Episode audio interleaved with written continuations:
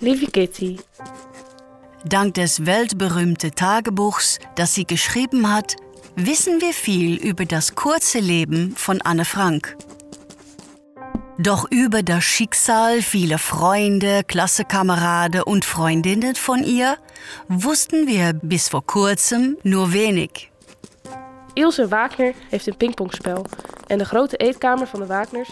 Nachforschungen haben zutage gefördert, was mit einigen von ihnen in der Zeit geschah, in der Anne in ihrem Versteck ausharrte. Ich könnte von fast allen im Tagebuch genannten Freunden und Freundinnen herausfinden, was mit ihnen passiert ist.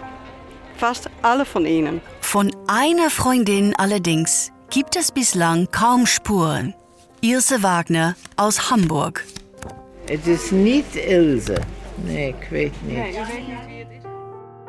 Was ist mit Ilse und ihrer Familie geschehen?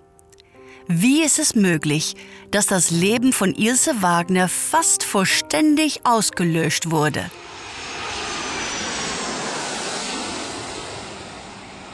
In diesem Podcast reisen die Macher um die Welt, um mit den letzten überlebenden Zeitzeugen zu sprechen, die Ilse Wagner kannten.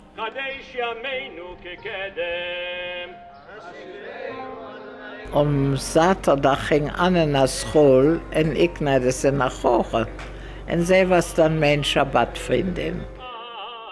Sie recherchieren in verschiedenen Ländern, Ja, ich habe hab sehr viele Geschichten gehört, die mich sehr äh, mit großer Scham zum Teil berührt haben.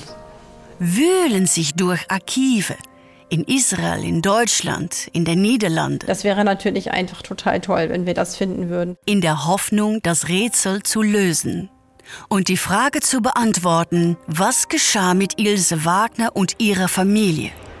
Wir müssen in die Lage sein, herauszufinden, was mit ihr irgendwo auf die Welt passiert ist. I think one feels a certain kind of responsibility. Das ist unsere Verantwortung. Im Podcast Gelöscht erleben Sie die Suche nach Anne Franks verlorene Freundin Ilse Wagner hautnah mit.